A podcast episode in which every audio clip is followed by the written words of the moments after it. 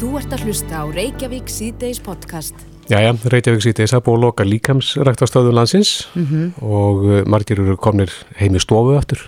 Já, nú má ekki eins og fara í golf samt þannig að það, Einmitt. þarf eiginlega bara að vera heima í stofu en Já. það er beðið okkur um það að halda okkur sem mest heima og þá er um að gera að, sprikla hans í stofunni ef það er hægt.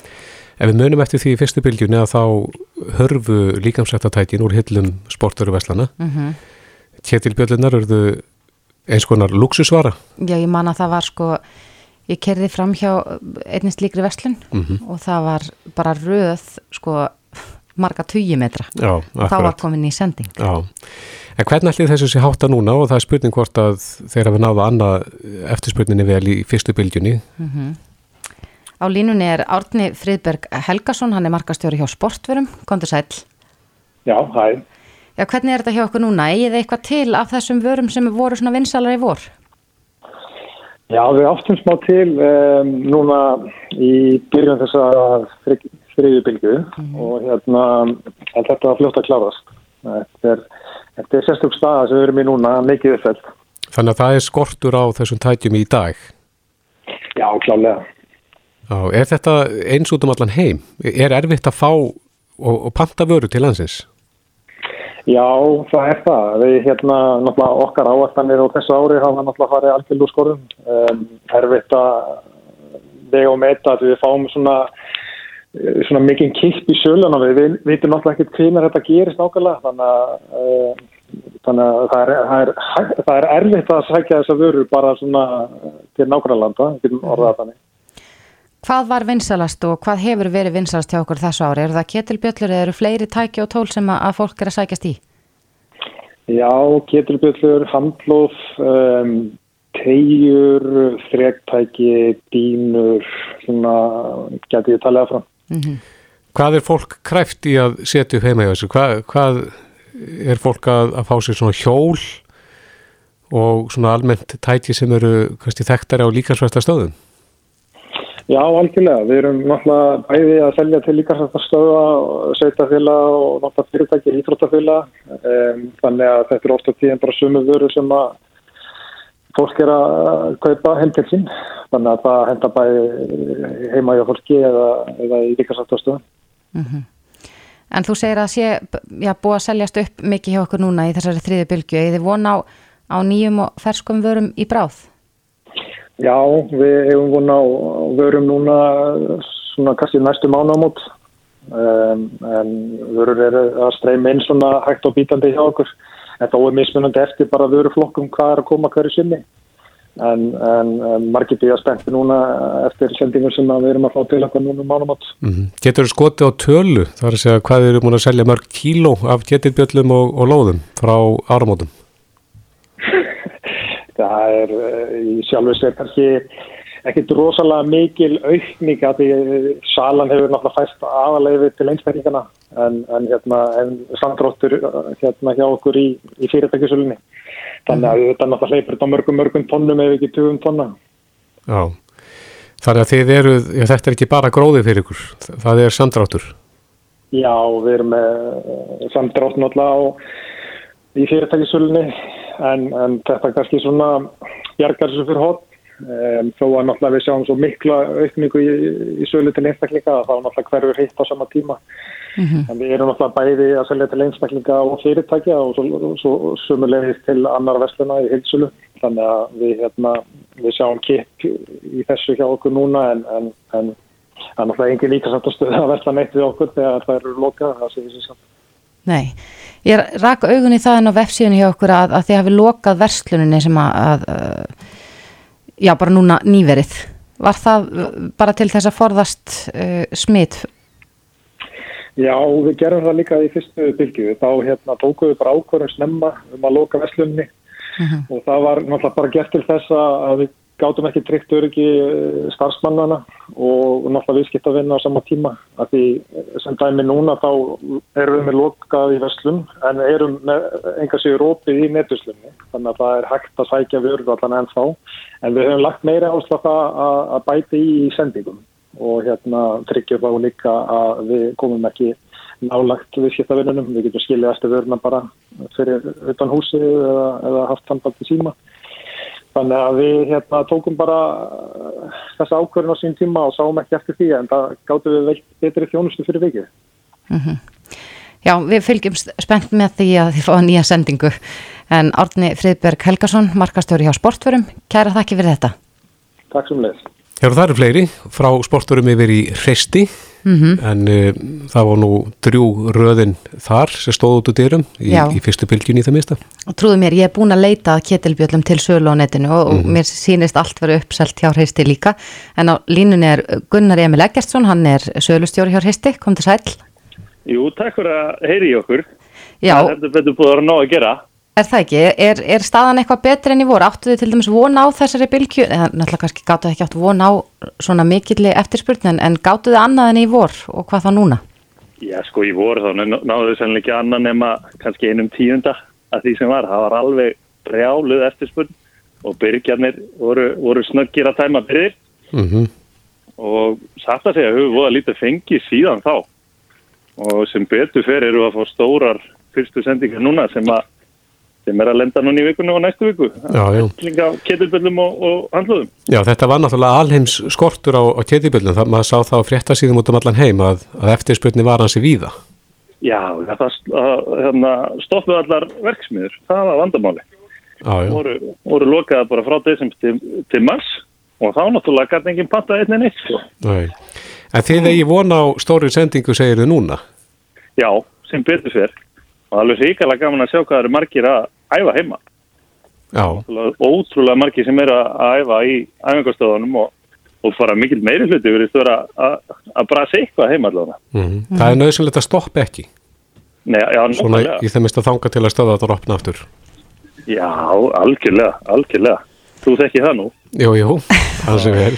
En Gunnar, voru það að selja líka mikið, mikið af svona starri tækjum, hlaupabrettum, róðurvélum og öðru slíku í, svona, í voru og líka núna þegar fólk neyðist til þess að æfa heima?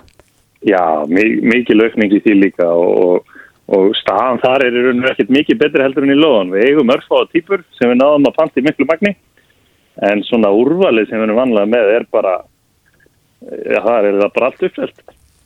Já, en fyrir þá fyrstu sem að býða eftir sendingu hvenar eigið þið vona á henni? Sko, við fáum líklegast núna á fymtudaginn hellinga handlóðum og svo í næstu viku fáum við ennþá meira handlóðum og eitthvað kettilbjöllum og loðapljötum og fleira. Mm -hmm. Glesilegt. Mm. Já, við bara fylgjumst spennt með en Gunnar Emil Eggersson, sölustjóri hjá Hristi. Kæra þakki fyrir þetta. Já, takk sem er leiðis. Það var gott. Sem leiðis. Hlustaðu hvena sem er á Reykjavík C-Days podcast. Við heyrðum um helgina hugmyndir um að Akureyri öðlist borgarréttindi. Þannig að, þannig að þá verðum við að tala um Akureyra borg en ekki bæð. Já þetta, það hefur verið skipaður verkefnahópur mm -hmm. sem á meðal annars að skoða borgar hlutverk Akureyrar mm -hmm. og, og þetta er áhugaverð hugmynd og, og ég persónulega gerir mér ekki algjörlega grein fyrir sko hver er munurna á, á borg og bæ svona, svona praktíst sér. Svona skildur og, og annars líkt. Mm -hmm. Hilda Janna Gísladóttir, bæjarfulltrúi, mögulega verðandi borgarfulltrúi, er á línunni, kom til sæl. Komið sæl. Já, hver er munurinn á, á réttindum og skildum uh, annars vegar bæjar og hins vegar borgar? Þetta er eiginlega skemmtilegast að spurningin er hvað er borg? Það er nefnilega ekki til einföld skilgreining á því. Breitland eru sko tíu borgar með undir 20 íbúða færri og, og borgarstjóri í Reykjavík tók til starfa 1908 og þá voru íbúar eða borgarbúar undir 11.000. Mm -hmm. Sumstaður í Evrópu vor, voru borgir skilgreindar að út frá því hvort það væri domkirkjaðar eða ekki. Mm -hmm. En svona í samtímanu þá er einmitt verið að horfa til þess að þið nefndu að það sé tiltekinn þjónusta þar miðstuð ofibra starfsemi, fjármála, heilbriðstjónustu, háskóla og svo framvegis. Þannig að borgir hafi í raunin ákveðna skildur, gagvart nærlegjandi svæðum, byggðalögum og áhrifarsvæðum þeirra umfram þeirra eigin postnúmer. En er þetta ekki að einhver leiti svona nú þegar á Akureyri? Jú, það er nefnilega alveg horrið hjá þér. Þetta er að mörgu leiti er Akureyri borg í dag, en þetta er svolítið fundið vegna þess að sko, Akureyri er borg á ennsku, við erum sko City of Akureyri, ekki Town of Akureyri mm -hmm. en á íslensku erum við sko Akurabær núna, en bara í fyrra voru við Akurakaupstaður og svo nú hægt að þæla sér fram og áfram og segja sko Árborg er borg ef út í það er farið, því hún heitir auðvitað Árborg. Einmitt. En eh, er ekkert íslensku lögum sem að stílgrinni þetta, hvað var að íbúafjölda eða annars líkt? Nei, það er engin skilgreining sérstök uh, varandi íbúafjölda á því hvað er borg. Og um að gera einmitt að ræða það því að þetta, þetta er sko nafngiftin sjálf er kannski aukaðatri heldur sko er það auðvitað sko hlutverkið. Mm -hmm. en hins vegar er í byggða áæklun þá er hérna annars vegar er verið að setja inn ákvæðum að skilgreina skildur höfuborgarinnar vegna þess að þær eru heldur eiginlega ekki til mm -hmm. og það er verkefnismarkmið um að sko jafna aðgengi landsmanna, allra landsmanna að opið þjónustu en þetta, þessi vinna hefur ekkert ekki alveg látt sér stað og hvað er þetta og hvað hann að gera, hvað ábyrðu og skildu, hvernig á fjármagna það og svo framvegs og hvað vilja aðrir íbúar fá frá uh, Akureyri til dæmis eða Reykjavík sem þá höfuborgin. Já, en eh, Hilda, telur þú að þetta muni vera til bóta fyrir íbúa á, á Norðalandi? Það eru þetta markmið. Uh, markmið er ekki bara að, að verða smáborgari akur, í akkurir á borg, heldur auðvitað að ræða byggðamáli í stærra samhengi og langa til að horfa til Troms og Ólu uh, í, í Nóri og Finnlandi þar að segja. Það sem hafa verið teknar alveg ákvörðanir í byggðamálum en í dag er við einhvern veginn með bara tvískiptingu á höfuborgarsvæði og landsbyggð í eintölu sem er í raunin orðið algjörlega úrreft og við þurfum að taka miklu stærri ákvarðanir um hvað á að vera hvað, hvar. Mm. Því að það getur ekki allt verið allstáðar. Það verður ekki allt á Akureyri sem er í Reykjavík eða á höfuborgarsvæðinu. Og svo kannski verður ekki allt á Húsavík sem er á Akureyri og síðan ekki allt á Bakkaferði sem er á Húsavík og svo framvegis. Mm -hmm. En við þurfum að fóra að taka samtalið um hvað á að vera hvar og fyrir hverja. Einmitt. En er það ykkar eh, að ákveða að Akureyri verði borg eða þarf það að vera samþygt inn í ráðunetti? Sko það er eiginlega, það er eiginlega næstu aukatrið. Stóra atrið er að byrja á þessu samtali sem við erum í dag og það er ekki gert bara því að akureyri eða akureyringar ákveð eitthvað. Þess vegna er hópurinn skipaður af fulltrúum ráðuneytisins, uh, akurabæ en líka SSNE sem eru landsluta samtök okkar hérna fyrir norðan mm -hmm. og í hópnum auk mín uh, sitja bæjastjórin á akureyri en líka sveitur og bæjastjórar fjallabeyðar og norðuþings vegna þess að þetta snýst ekki síður um þeirra hagsmunni heldur en okkar. Mm -hmm. En nú er þessi hugmynd komin upp á borðið og, og hún hefur svo sem verið rætt áður en, en hvað þarf að gerast til þess að þetta verði að eh, veruleika? Nú bara er að brett upp ermar, þessi hópur á að skila af sér næsta sömar. Við erum að fara bara í þessa vinnu, skoða hvað hefur verið gert í Norri og Finnlandi, staðfæraða hingað, gera líka ákveðna rannsóknir og kannanir á viðþorfum fólks hérna á nærlegjandi svæðum, hvað vilja þau hvað þjónustu ætlastu til að telja mikilvægt að sé hér og hver ekki. Þetta tengis meðal annars menningamálunum. Hér er symfoníu hljómsveit, leikfélag, listasafn. Er það nöðsynlegt? Er það engamál agurabæjar í postnúmurum 600 og 603 eða, eða er á þjónustan að vera viðtækari? Þannig að núna er bara að fara að vinna og setja þetta svolítið faglega nýra á blad og auðvitað er markmiðið bursið frá öllu er einfallega að bæta þjónustu fyrir íbúana. Mm -hmm. Niðurstaðan hvort hún akureyri muni heita síðan borg eða ekki er algjörst aukaðri eða hvort að hvernig laga um hverjunu verður breytt í því samhengi. Niðurstaðan er bara getur við gert betur til að þjónusta almenning. Hver eru, svona áður við misnið og símanu, hver eru helstu málinn sem er verið að ræða fyrir norðan núna? Svona almennt? Heitustu málinn á kaffestofunni? Heitustu mælina kaffestofuna er Facebook-hópurinn geggjað viður og akureyri og það að við séum svo fullkomnir bæjabúar og korkið smittust á COVID og hér sé aldrei vont viður þannig að það vantar ekki og svo ætlum við að vilja borg þannig að hrókan allavega vantar ekki. Hilda Janna Gísladóttir bæjaföldur og akureyri. Kæra þakki fyrir þetta bestu hvaðið norður. Takk, hvaðið Fleis Þú ert að hlusta á Reykjavík C-Days podcast Þjóðin er svolítið svegt eftir e, sneipu fyrr á lögadalsvöllin í gær. Já, svo sannlega. E, Danir er nokkur, nokkuð öruglega, 3-0. Já, ég verð að segja, ég fylgist nú bara með leiknum með öðru auganu en, en það var já, svona áhugavert að fylgjast með sko Twitter-færslum eftir þetta. Já. Það er alltaf svona lífleg umræða þar. Einmitt, en það er einhver danagríla þarna og við munum eftir því voru handbóltanu þegar að svíagrílan vofði yfir mm -hmm. en það náði, náðast að kveða hana í kútin en, en einhvern veginn hangir þetta yfir okkur með danina. Þetta var 20. leikurinn sem við töpum og höfum gert uh, fjögur jafntefni en við höfum aldrei unni danina. Það er bara stórfyrðulegt. Þetta er magnað. Jóníti Gunnarsson, sálfræðingur, er á línunni, kom til sæl. Já, komið sæl. Hvað er þetta? Já, hvað er þetta? Þetta getur nú verið í sjálfsögur mjög margt, sko. Þetta hefur náttúrulega svolítið með að gera við með svona væntingastuðlinn eða, eða svona væntingar sem við höfum. Það er að segja, við vorum nýbúin að vinna rúmina þetta nokkru dögum áður og, mm -hmm.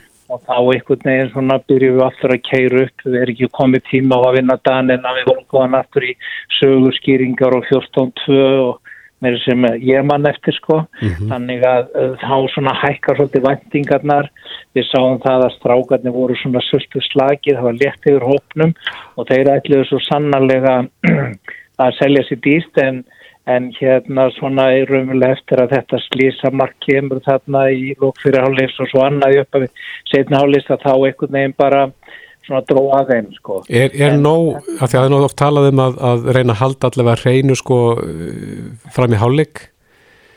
Svona marka á síðustu mínutum fyrirhálfleiks sko það er náttúrulega þannig þegar maður fer í svona leiki og, og á heimavelli þá kannski ef við myndum fara að svona í líkur sko út frá bara sko menn verður að horfa svolítið á styrkleika lið danska liðið er með leikmenn sem að spila í miklu fleiri betri liðum heldur í Íslands og strákarnir með aðri virðingu fyrir þeim. Þeir eru að spila mikið í góðum liðum í Skandinavíu og einhver starf, einhver eru annars þar í Evrópu mm. en danska liðið er að spila með miklu sterkari liðum. Þetta var svona eins og þegar handbóltalandslið okkar náðu sem bestum árangri, þá voru okkar bestum menn að spila í bestu liðum í Evrópu.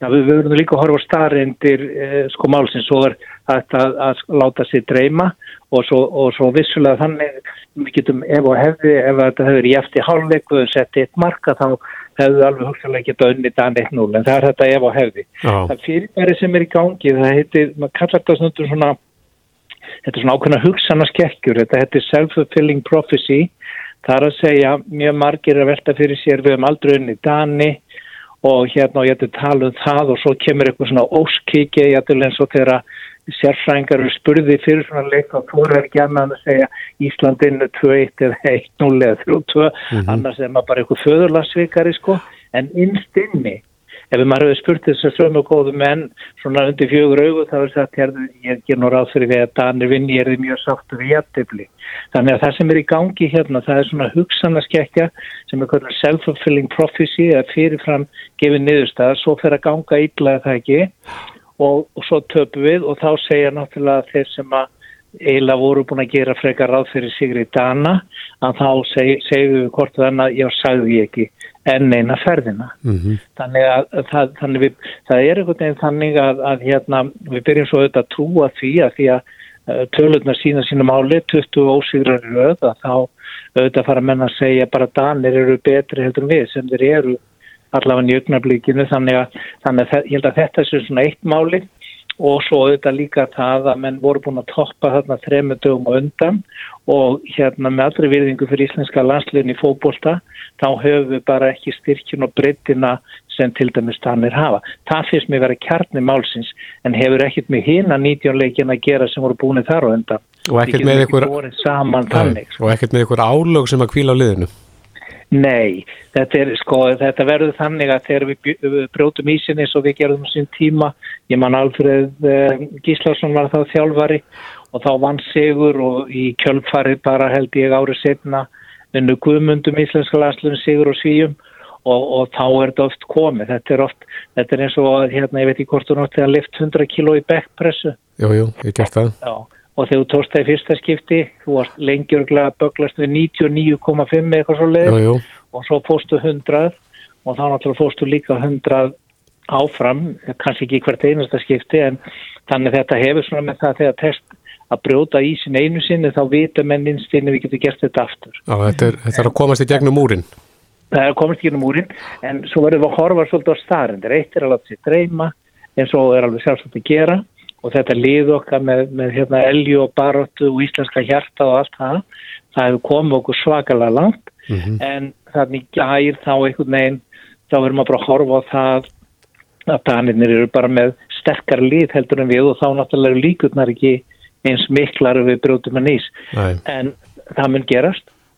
En hvað, hvað er það sem gerist í eh, kollinum á mönnum þegar að eins og þarna kemur mark á okkur, það er svona eins og slökn eitthvað neisti Já, það er nátt talað um það að það sé svakalega vond að fá svona markið fókbólt alveg rétt ára fyrir leiklið, það var örgulega leikjaplanið, höldum þessu svona í 0-0 og, og svo hérna getum við þá sótt þess að skindisóknir, það var greinlega svona leikjaplanið og, og þannig að það er oft talið mjög vond einhvern veginn að fara með það inn í hálfleik, búin að leggja á sig, hlaupa mikið og allt það.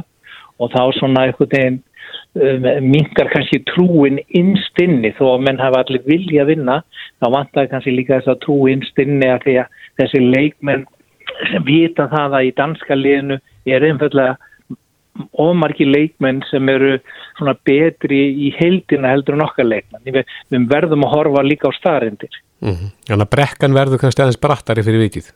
Já og svo náttúrulega kemur þetta hérna reyðarslagi upp á setna hálegs það var einn svona klauvalegt og ég ætlum myndum að segja auðlalegt eins og þjálfarinn bara sagði þetta ekki er sprunglingaflokki. Mm -hmm. það, það var einhvern veginn og þá bara uh, maður horða á þetta og þá vissi maður innst inn í það er bara spurningin að við fáum ekki á okkur eitthvað skell sko, það er ekki að fara að tapa 5-0 eða 6-0 en þannig þeir kláruð alveg leikið með þæmt en og svo réttlættu við þetta allt eftir á það við vorum að vinna rúmena og það skiptur öllum álfið sem góður móti ungverjum. Og þar með eru menna að gera hvað? Gera ráð fyrir því að við töpum á móti belgum og ég vil kannski töpum svolítið móti belgum. Þá eru menn byrjur undirbúa það líka í kollinu sko. mm, Akkurat, en þú rifir aðeins upp aðna hvernig við komumst í gegnum úringa hvert svíjónum, þannig að það gætu nú geska hvert dönum Það sjálfsögðu, það, það mun algjörlega gerast og ég, við þurfum bara að spila að marga leiki mótið Já, til að hafa sigur að lókum.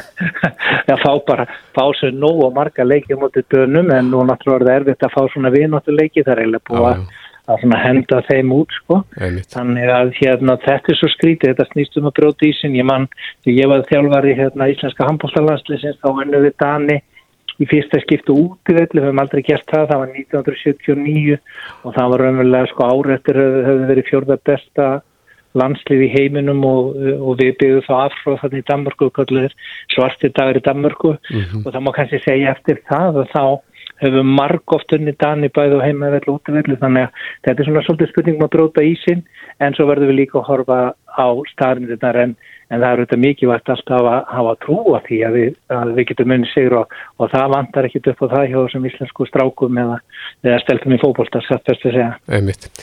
Jóhann Ítti Gunnarsson, sálfræðingur, gaman að heyri þér, kæra þætti fyrir spjallið. Já, sem leðis. Bless, bless. Bless. Reykjavík síðdeis á bylginni. Reykjavík síðdeis heldur áfram. Það er já, orðið ansi svona venjulegt að, að við deilum mikið af upplýsingum um okkur mm -hmm. á samfélagsmiðlum. Já. Það er svona kannski nýtt norm. En við höfum talað um það áður að við erum líka, fórildrar eru í auknum hæla að sko deila upplýsingum um börnin sín. Mm -hmm sko bæði myndum, mögulega í óþökk þeirra, en líka upplýsingum inn í, inn í einhvers konar hópum og annað slikt. Jafnveg stórum hópum sem að telja 20.000. Já, mm -hmm. það er, ég rækst hérna á áhugaverða eh, greinin á vísi.is í dag þar sem að er verið að tala um þetta, þessar stóru hópa, við erum með mæðratips og beauty tips og fólk er að leita ráða við hennum ímsu kvillum, mm -hmm. setja myndir af börnun sínu með einhvers konar um, útbrót og annað slikt og, og byggjum ráð mm -hmm. var kannski vísar að fara til læknis, maður veit ekki en, en, en þannig verið að tala um sagt, að leita ráða á Facebook á kostnað þriðhelgi barnsins Já. en á línunni er Vigdís Sigriður Jóhannsdóttir hún er lögfræðingur hjá landlögumenn, kom til sæl komið sæl Já, þetta er áhugaverð grein sem hún skrifaðir er, heldur þetta sé að færast í aukana að fólk sé að leita á samfélagsmiðla já, og og þannig að, að á kostna þreyþelgi barnana? Já, algjörlega. En svo það kemur fram í greininni að þá hefur orðið hrjöðfróun á þessum hópum sem að eru margir hverju lokaðir en mm -hmm. það er mhm. samt fjöldi fólk sem er inn í þessum hópum eins og í maðuratill með um 21.000 meðlimi og þarna er fólk að deila ráða sínum á milli og það er þetta tilgangur með þessum hópi að þetta er fyrir mæður og verðandi mæður til þess að deila ráða sínum á milli en það hefur, finnst mér svona aukist það að það er að deila þarna persónu upplýsingum um börni sín og þá viðkvæmum persónu upplýsingum. Það er að segja að þau eru að leita ráða, læknisráða á þessum samfélagsmiðli. Mm -hmm. Og heldur þetta sé bara, að, eins og ég saði einnig upphafi, bara nýja normið e eða er fólk að verða upplýstara um, um sko, persónuvend barnana? Um, ekki ef að þessi hópur er skoðar. Það virðir sem að það vantar aðeins meiri svona vitundavakningu um að börn eiga líka rétt á friðhelgi yngalífs. Mm -hmm. Þannig að það er allan að það sem að ég er meðlumur í þessum hóp og það er mjög oft verið að setja inn alls konar myndir, upplýsingur um greiningar á börnum, um, líka upplýsingur um jafnvel andli veikindi og í því skyni til þess að fá um eitthvað ráð. Þannig að ég held að það sé kannski fyrst og fremst er ekkert þarna þessi tilgangur að fóreldrar ætli sér að miðla þessum upplýsingum áfram heldur er tilgangurinn að fólk er að leita ráða en það mætti vera meira upplýst bara um persónuvend og þetta að börn eiga líka rétt og friðhelgi engalífs. Mm -hmm. Er þetta að misnota þessar upplýsingar?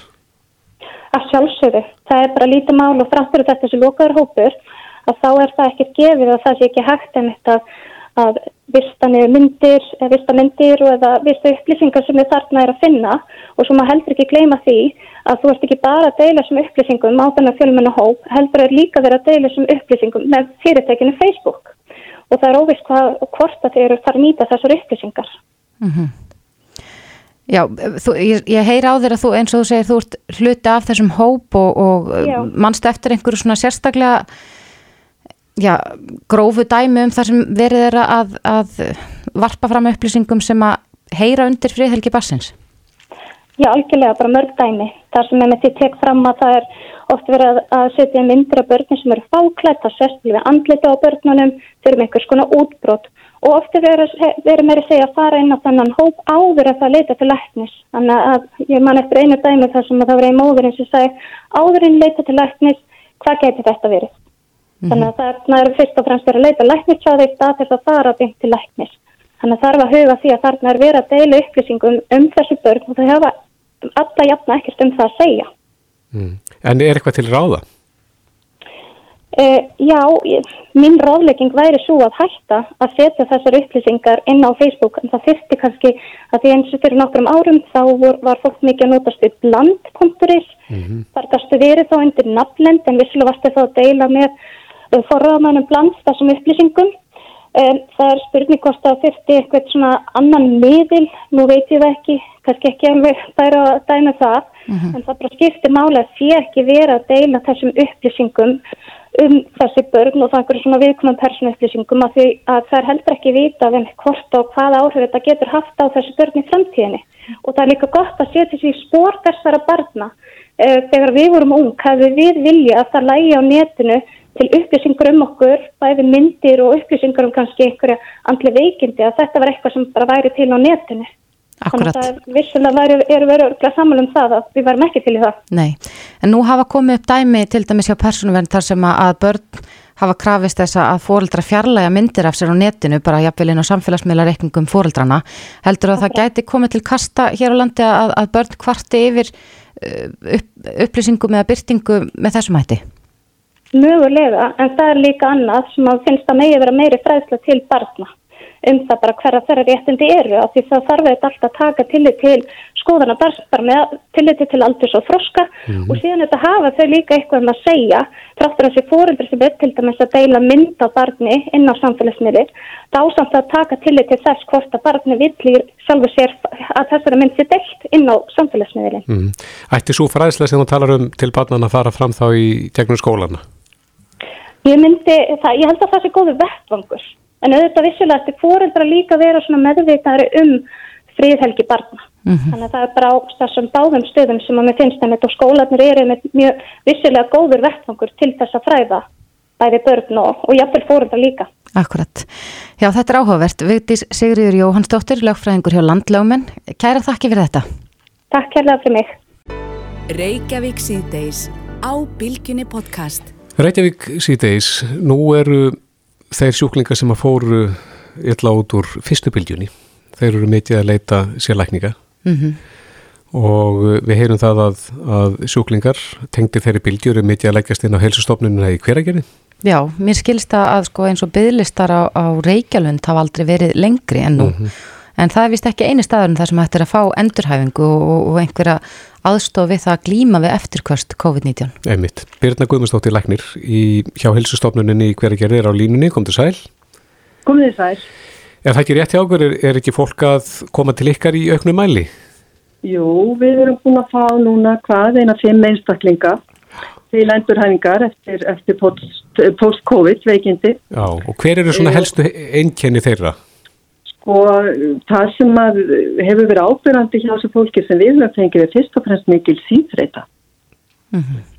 Það er að segja fólk er jafnveil óvinni fæst, það er bara orkulöst Já. og um, Þetta er, er mest allt fólk á besta aldri, fólk sem var á, á duglegt fólk á fullu í vinnu og öðru en er núna flest allt óvinnu fært, nú rúmum sex mánuðin eftir að við vektust. Mm -hmm.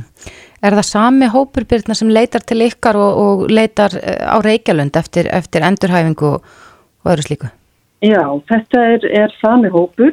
Við höfum fengið hvað eina tíu beinin og þegar Reykjalundur er með mun fleiri beini en, og þeir eru einmitt nýbyrjaðir að, að endur hann þetta fólk. Mm -hmm. Þannig að við erum saman í þessu er, og til að segja frá því að þá, þá er verið að vinna að því að sambætta og skipulegja þjónustuna við, við þennan hóp og, og það er hilsugjastlan sem eru haft forgangum þá vinnu en með aðkomi okkar á endurhæfingarstofnunum og það er að segja Reykjalundur og hilsustofnun og, og kristnes og svo COVID-göngudeldin á landsbytala. Þannig að þetta er samvinna. Já, en byrna, segð okkur aðeins, hvernig lýsir þessi síþreita sér? E, orkuleysi. Það að fólk e, hefur miklu minni getur bæði minni líkamlega orku og andlega orku. E, að hafa litla andlega orku kemur meðal annars fram í einbyrðingarleysi og stundum kalla heilafoka. Um, sem sagt fólk finnur fyrir því hverslas hugar vinnu að það, það, það gengur ekki eins og áður og svo er það eftir líkamlega að treyta uh, fólk uh, getur ekki hreitt sig eins og áður og, og verður óeðlilega treytt mm -hmm. og jafnvel verkað ef það reynur ómikið á sig Já, hvernig er, er eins og hjá ykkur hvað er gert til þess að reyna að bæta þetta ástand? Hvers slags meðferð? Ég sko hjá okkur fara allir í einstaklingsmiða meðferð því að þetta eru ólíkir eh, einstaklingar og, og, og mismunandi hvað er mest áberandi hjá þeim. En til dæmis með síðréttuna að þá er það mikilvægast sem að við getum gert fyrir þetta fólk það er að hjálpa þeim að læra að stjórna orkunni sinni. Mm -hmm. Vegna þess að, að þegar að svo er komið að fólku er mikla síðréttu sex mánuðum eftir veikindin að þá þýðir yfirlegt ekki að þjálfa sig út á veikindunum. Það getur, ef að fólk ofgerir sér, að þá getur það þýtt afturför. Já, já. Við einn afturför sem getur svo tekið tíma að vinna upp. Þessi íþretta er nú svolítið rannsaka fyrirbærið þetta, það sem að þetta nú ekki að tengist ekki og er ekki fyrst að koma upp núna í kjálfar COVID. Nei, einmitt, þetta höfum við tekt lengi síðrættu til dæmis í kjálfarið á einsum veirusíkingum. Mhm. Mm Er eitthvað að vita og, hvað gerist, hvað, hvað gerist í líkamannu þegar, að, þegar að þetta er, eru afkostin eða, eða eftirkostin?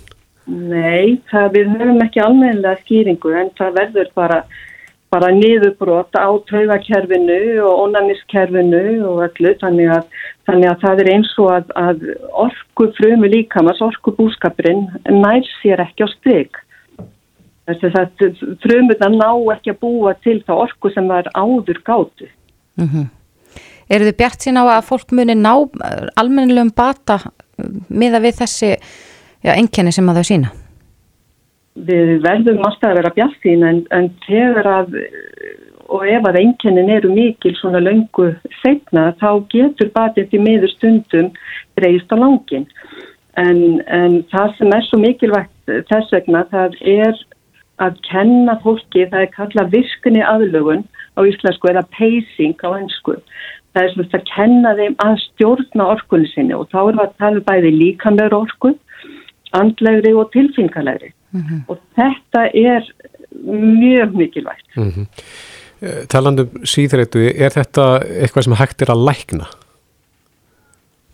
Ég vildi ekki þetta sagt já en það hefur bara því miður enn í dag reynst okkur erfitt. Mm -hmm að lækna en auðvitað eru flestir sem að ná miklu betri eh, heilsu og líðan þó að þið verði kannski fæstir 100% eins og þeir voru áður. Já, en þetta er eitthvað sem að þessi sjúklingar sem að þið hefði tekið á móti eiga sameigilegt, það er síþreitan og, og orkuleysi. Er, er eitthvað meira sem að saminar þennan hóp? Um, Eða önnur einkinni sem, að, sem er talað um?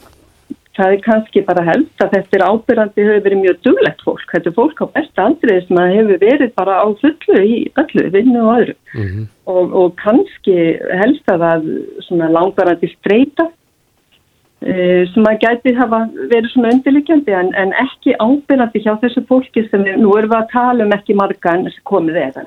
En það er ekki ábyrrandi þessi klassísku undirliggjandi áhættutættir eins og við höfum verið að tala um eins og sykusíki, hjartvæð og sjúkdómar og offrita og slikt. Mm Akkurat. En þið munið taka á móti fleirum eða hvað á, á næstu vikum og mánuðum? Já, þetta er, er, er hérna höfum við sett í, í forgang að hjálpa þessu fólki en þess að ég sagði á það að besta aldrei og flestir í vinnu og, og hafa ekki komist til vinnu enn að fullu allavegna þannig að það er í forgangi hjá okkur að, að finna þeim vel og, og að þau þurfa ekki að byggja lengi. -hmm. En hvernig hefur staðan verið hjá ykkur svona í þessum COVID faraldri? Hafið þið geta haft opið og, og sint öllum eins og þið hefur viljað? Já, sem betur fer, nú undarfarið, það er einhver í vor þegar allt var loka, þegar sundlegar lokuðu og allt slikt, þá þurftu að loka tímabundi í 5-6 vikur. En um, nú er starfseminn í fullum gangi með nýjustu herstu sóttarnarreglunum að þá þurftu aðeins að, að mikka fjölda en við höfum verið svo lánsum á hilsastofnun að, að hef ekki fengið neitt smitinn allan þennan tíma og þessar sjö mánuðir sem vinnir eru frá því að þessi, þessi ansætti faratu byrjaði. Mm -hmm. Birna Guðmundsdóttir, læknir á helsustofnuninni í hveragerði. Takk fyrir þetta. Takk, takk hérna. Bless, bless. Bless. Reykjavík síðdeis á Bilginni podcast. Reykjavík síðdeis heldur áfram. Við höfum nú oft talað um svepp hér í þessum þætti. Já, svefnin er alveg gríðarlega mikilvægur. Já, og ég held að sé svona, fólk er farið að vera meira meðvita um það hversu miklu málið að skiptir að ná góðum nætusvefni mm -hmm. og svo eru öll þessi tæki og öll þessi ljós og alltaf tröflokkur og, og ekki síst börnin okkar. Mm -hmm. Og það er orðið áhugjefni hversu lítið börn sofa yfir höfuð og hafa verið gerað rannsóknar á því hér. En nú var að koma út bók sem heitir uh, Svefnfyririldin, mm -hmm. svona fræðslubók ætlu börnum. Til þess að fá þau til að sofa betur? Það. Já, mér skilst það. Mm -hmm. En uh, það er nú einn af okkar helstu svefn sérfræðingum, Erla Björnsdóttir, hún er á línu sem samtíð þessa bók. Kom til sæl. Komið sæl. Já, þetta er fræðslu efni fyrir börn, ekki satt, um svefn. Jú, þetta er í raun og veru bara ævintýri fyrir börn sem að ég fletta svona inn fræðslu um svefn og mikilvægi hans og kvíldar almennt og fer yfir svona alls konar atrið sem hafa áhrif á svefnin en samt svona í þessum ævintýra stíl þannig að þetta er í raun og veru bara ævintýri en svefnin er svona rauðið þráðurinn. Mm -hmm. Getur þú sagt okkur aðeins svona upp á hann um hvað sæðan snýst? Já, þetta snýst um stelpu sem er í fyrsta bekk sem að hérna fer að vera þreytt og lasinn og fer til læknis og hann fer að spyrja nóti ímislegt hvort hún sé duglega að hreyfa sig og borða og sofa vel Mm -hmm. Og hún, henni finnst ekki sérstaklega gaman að sofa og hérna vil frekar bara leika sér og vera með vinnum sínum og svona. Þannig að ræknirinn fyrir að segja henni frá hennum göldróttu sveppfyrildum sem að koma til okkur á kvöldin og hjálpa okkur að sopna og fer svona að fara yfir það hvað er að gerast í líkam á heila þegar við erum sofandi. Því að svefnin er nefnilega mjög mystískur og spennandi. -hmm. Og það er ímislegt sem er að gerast í svefnunum sem er áhugavert og til dæmis eru við að læra að lesa, við erum að vera betri í tómstundum og íþróttum, við erum að stækka og vaksa, við erum að losa út alls konar eiturefn úr líkamannum og svo framvegs. Þannig að það er að setja þetta í svona spennandi og skemmtilegan búning fyrir börn og læknirinn segir henni líka svona ímislegt sem þessi svefnfélg er kannski ekki hrifin af og það er til dæmis mikill æsingur á kvöldin og ljós og skjátæki og orkudrykkir og koffín og sigur og fleira þannig að hérna, þessi litla stelpa fyrir svona átt að segja því að það er ímislegt sem að aðri fjölskyldumæðlumir er að gera sem er kannski ekki mjög gott fyrir söfnin, til dæmis mm -hmm. úlningsbróðurinnar og foreldras þannig að hún verður svona heitluð af þessum söfnfyririldum og fer svolítið að byrja út bóðskapin svona inn á heimilinu og í skólanum hjá sér með bara góðum árangri. Þannig að hérna, þetta er svona, hún er svolítið svona hetjan í sögunni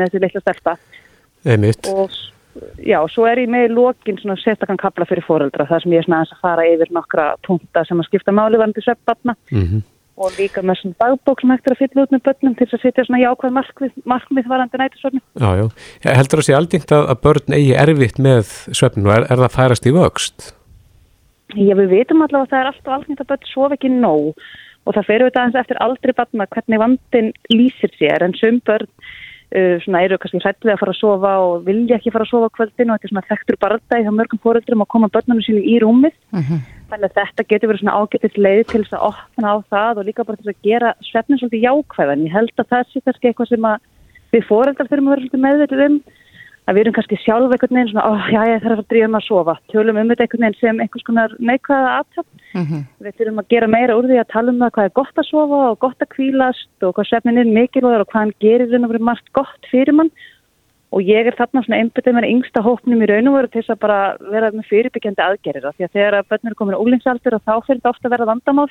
En þá er kannski svolítið sent að grípa inn í líka þegar vennjarnar eru orðnar slæmar og, og svefnin kannski komin í vond stand að það er auðvitað best að byrja bara snemma og tryggja góða nætursvefn frá upphafi og með þau eru lítil og þau eru svo móttækilega á þessum aldri Mhm. þeim finnst þetta spennandi og það er auðvitað að ná til þeirra þannig að ég held að bara alveg svo með því að kenna íþróttir og heimilsfræði í skóla þá fyrir við líka að byrja strax að kenna mikilvægi sveps. Akkurat.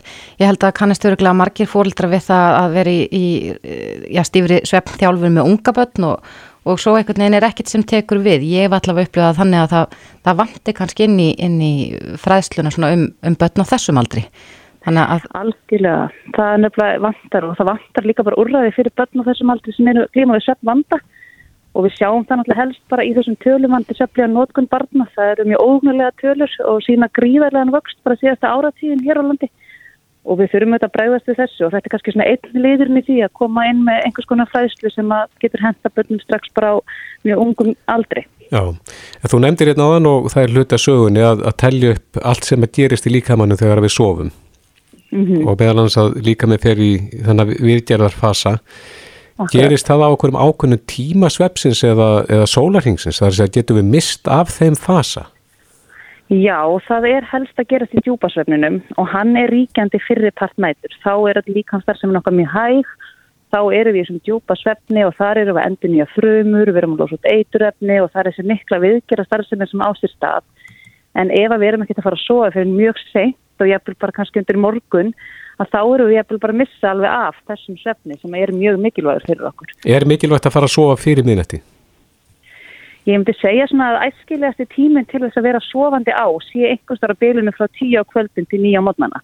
Þannig að við séum að ná okkar 7-8 tímum á þessu byli. Hvort sem það er kortir í 12 eða kortir yfir 12, það kannski skiptir ekkit öllu máli. En maður hefur oft hirt svona þessa miðnætur mýtu og hún helgast líklega bara af því að það er þessi fyrri partur nætur sem að djúpsefnin er ríkjandi og líkamstarfsefnin okkar er hæg og það er líka þannig að ef við erum vakandi og erum á ferðinni á þessum tíma sólasings að þá erum við mjög sein að bregðast við aðstæðum og við erum miklu líklega til þess að gera mistök að lenda í slísum af því að öll starfsefnin okkar er bara mjög hæg og líka minn er veru að gera ráð fyrir því að við eigum að vera sofandi. Mhm. Já, en hvar getur maður nálgast bókin erla? Það er þetta nálgast þannig bara í öllum bókabúðum og inn á VF Sölku útgáfi líka. Glæsilegt, við kynum okkur það Erla Björnsdóttir, sálfræðingur og, og sérfræðingur í svefni. Kæra þakki fyrir þetta. Takk fyrir mig. Þetta er Reykjavík C-Days podcast.